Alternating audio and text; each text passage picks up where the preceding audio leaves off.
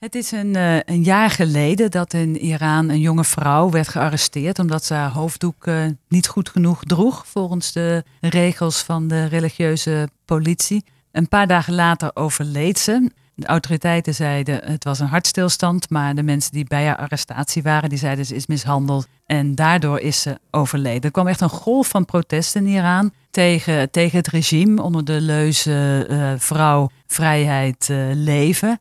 En, en dat sloeg ook over, uh, over naar Nederland. Uiteindelijk kwam er ook een demonstratie hier uh, in Leiden. Die werd georganiseerd door uh, Terry van Heesik. Zij is huisarts te Leiden en heel erg betrokken bij Iraanse vluchtelingen. Ja, dat kan je wel zeggen, denk ik. Het begon omdat mijn kerk een autodienst organiseerde. En dan gingen we mensen van AZC ophalen. En dan kreeg je vanzelf vriendschappen. werd je uitgenodigd thuis. En ja, ik had zoveel respect voor die mensen voor alle uh, vluchtelingen, maar met name ook voor de Iraniërs.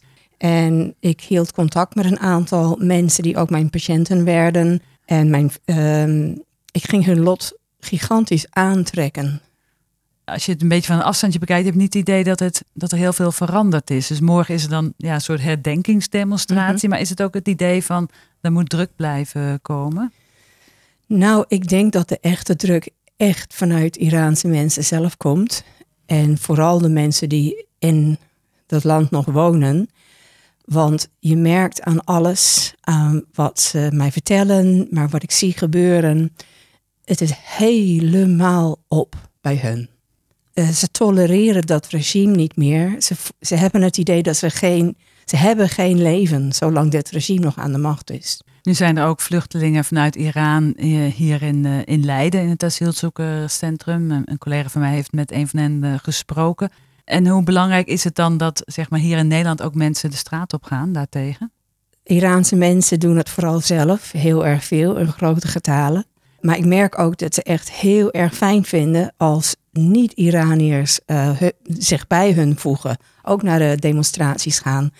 Um, ik word echt heel vaak aangeklampt door wildvreemde mensen van... Oh mevrouw, we vinden het zo fijn dat u hier bent. Waarom bent u hier eigenlijk? U helpt ons, het doet mij zoveel dat u hier bent. Voor mij een aansporing om het te blijven doen. En ik kan me ook voorstellen, want als je zo ontheemd bent... en je hebt uh, met zoveel geweld te maken en zoveel onrecht... en je bent boos en verdrietig en onmachtig... dan is het ontzettend fijn dat een dat, dat een Nederlands iemand inleeft en wat je doormaakt. En het heeft ook gevolgen voor de hele wereld.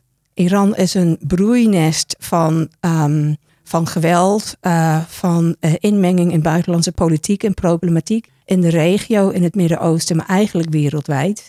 Er zijn zoveel redenen waarom we tegen dit regime zouden moeten zijn. Vorig jaar was je een van de organisatoren van een demonstratie ook hier in Leiden. Eind oktober was dat toen. Komt er zeg maar ook een vervolg hier in Leiden?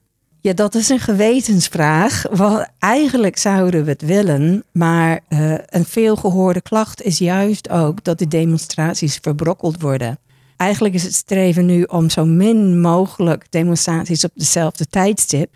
Morgen zal er wereldwijd een enorme uh, demonstratie zijn. Ik denk in, alle hoofdsteden van de wereld. Um, dit zal echt iets groots worden. Dat verwacht ik in Nederland ook. Maar ik wil liever juist niet een heleboel kleine demonstraties. En dus een oproep om morgen naar Den Haag te gaan bijvoorbeeld? Ja, dat zou heel mooi zijn. En hoe laat uh, moeten mensen zich aan, kunnen mensen zich ergens aansluiten? Het begint om één uur op het Malieveld, maar het zal een aantal uren duren. Dus als je iets later kan aansluiten, ook prima.